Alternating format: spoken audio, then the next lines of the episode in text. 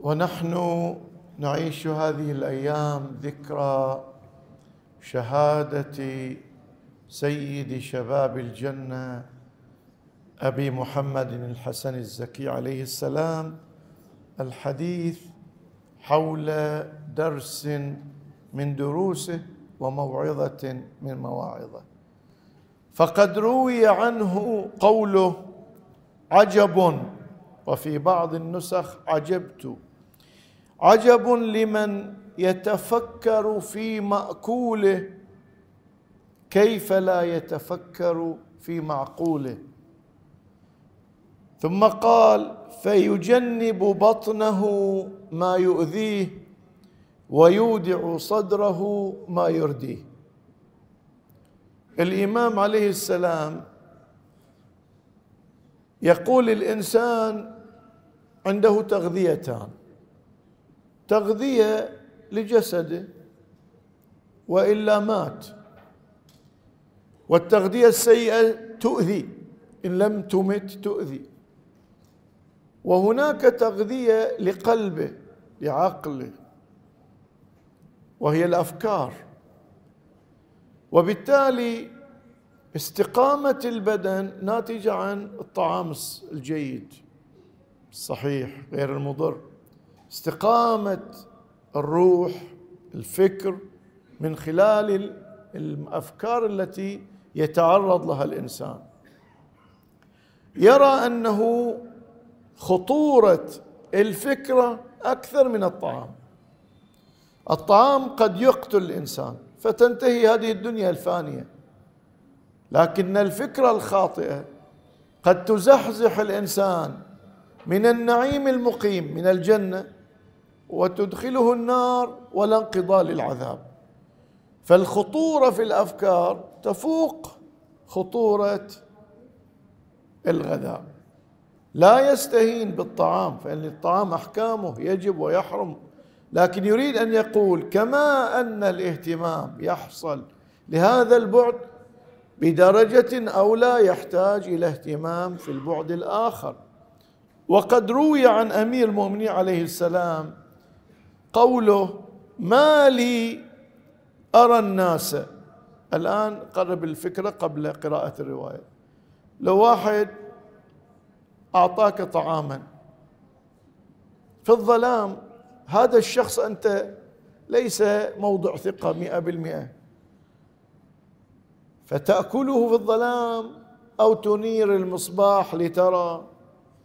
فالرواية تقول ما لي أرى الناس إذا قرب إليهم الطعام ليلا تكلفوا إنارة المصابيح ليبصروا ما يدخلون بطونهم.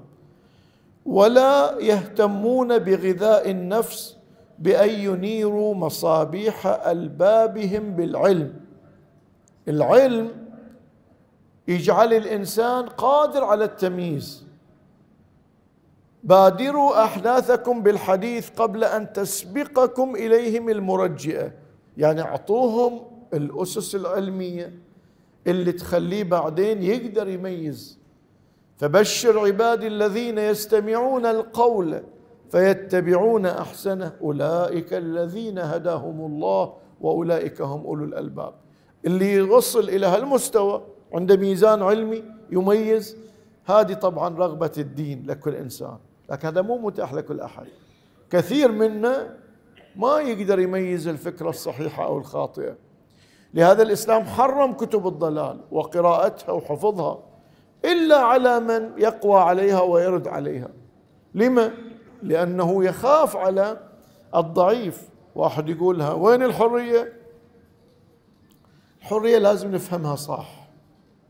الحرية ما لها قيمة في ذاتها.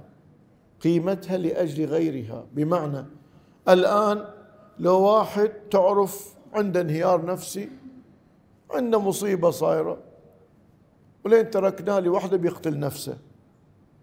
أحد يقول اتركوه حرية أحد يقول ما حد يقول. فإذا الحرية هي قيمة ما في فرق بين هنا وهنا. ولو واحد جودناه لا يقتل نفسه يقول زين سويت. فإذا لا يعطى من يريد قتل نفسه أو الإضرار بنفسه لا يعطى الحرية. رحمة به وليس تسلطا عليه. فالإسلام يقول الحق واحد. إذا كان هذا الشخص ليس لديه المناعة الفكرية ليصون نفسه عن الضلال لا يسمح له أن يرمي بنفسه في كتب الضلال أو في أجواء الضلال. يمنع. ليس لأننا نريد أن نسلب حريته بل نريد أن نحفظ له حياته وعلم وموقعه ومعرفة الحقيقة. لهذا لا يمدح من يقتل نفسه باسم الحرية ولا يمدح من يترك ولده عرضة للفيروسات. تقول لي هذا ليش خليته؟ قال حرية بس هاي فيروس قاتل. قال حرية ما حد يمدحها لما جاء الفيروس صار إلزام بالتباعد وإجراءات كثيرة قيدت الحرية. وكل العقلاء صفقوا لها. لما؟ لأن الحرية لخدمة الإنسان وليس للإضرار به. فالإسلام رحمة بالمسلم يقول إذا أنت تتعرض إلى ضلال وتخسر الجنة إحنا نسعى إلى أن نبعدك عن الضلال ونحرم كونك في موضع الضلال. لهذا القرآن قال آية أولها إمامنا الباقر. قال تعالى فلينظر الإنسان إلى طعامه. قال الراوي وهو زيد الشحام قلت إلى الإمام الباقر ما طعامه؟ قال علمه الذي يأخذه عمن يأخذه. هاي طعام روح. أجي أرمي نفسي في قنوات كلها تشكيكات. أقول لا أنا ما تأثر علي. مو شفنا إحنا فيروس كورونا. هذا أبو العضلات طاح وذاك الضعيف قام. مو بالضروري اعتقادي إن أنا أقوى معناه حقيقة أنا أقوى من هذا الفيروس.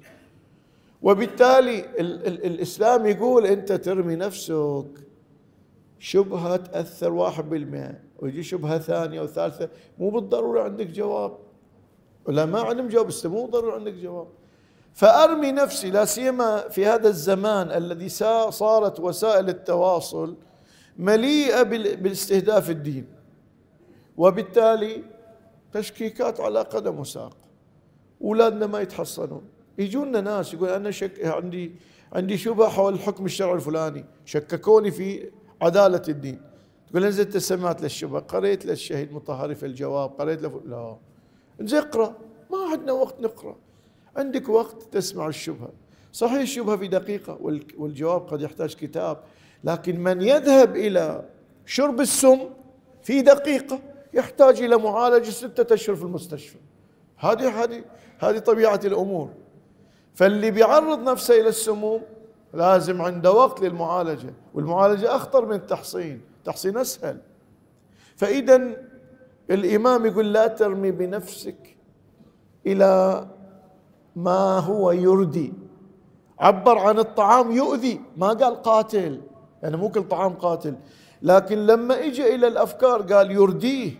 لأن الفكرة تؤثر ولو في اللاوعي. مع الوقت تتشكل قناعات وتشكيكات.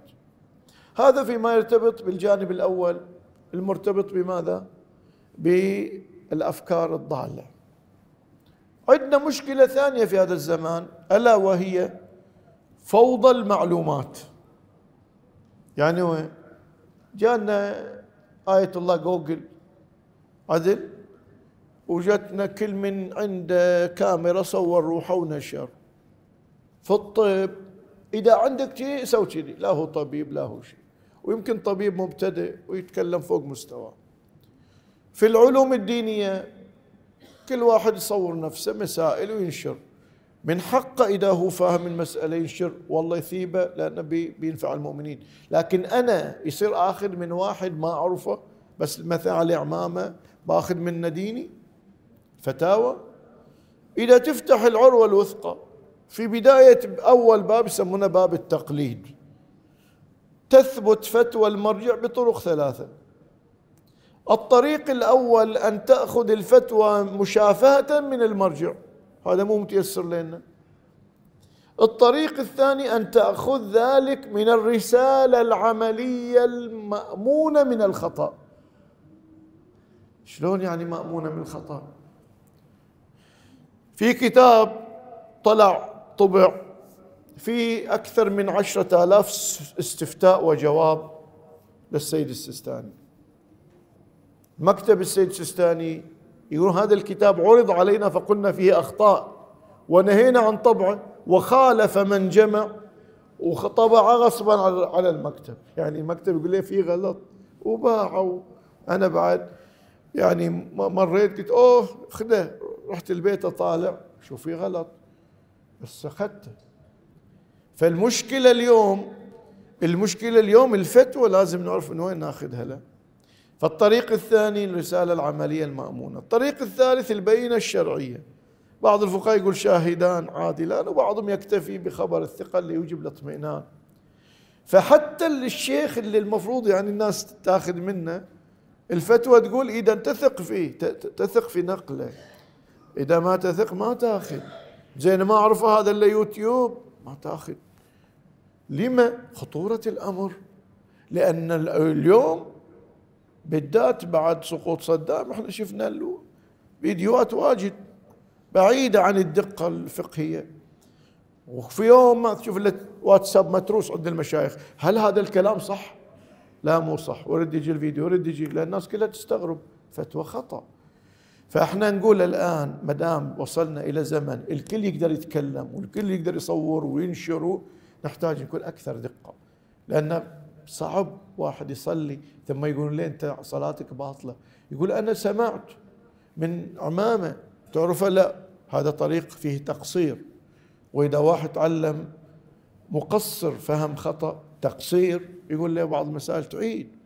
فأنا ما أبي أتعبد وارد اعيد إذا الإمام يعلمنا أن ناخذ العلم من أهله من أهله. وساعات بعض المؤمنين يثق في أكثر من شيخ فيتصل لشيخين. يقول إذا اتفقوا صار اطمئنان. إذا اختلفوا أروح أشوف أكثر دقة من كتاب من شيء على أساس لا أبتلي بعمل خاطئ. لا نريد الوسوسة لكن لا نريد هذا التسامح الموجود اليوم. أنا وجدت يعني حتى في الحج يجي واحد يقول خلاص أنا حصلت حل. من وين الحل؟ قال شفت عمامه كذا تعرفه؟ قال لا. هذه ما يفتي اللي قلت أنت ما يفتي بفقيه شيعي أصلا.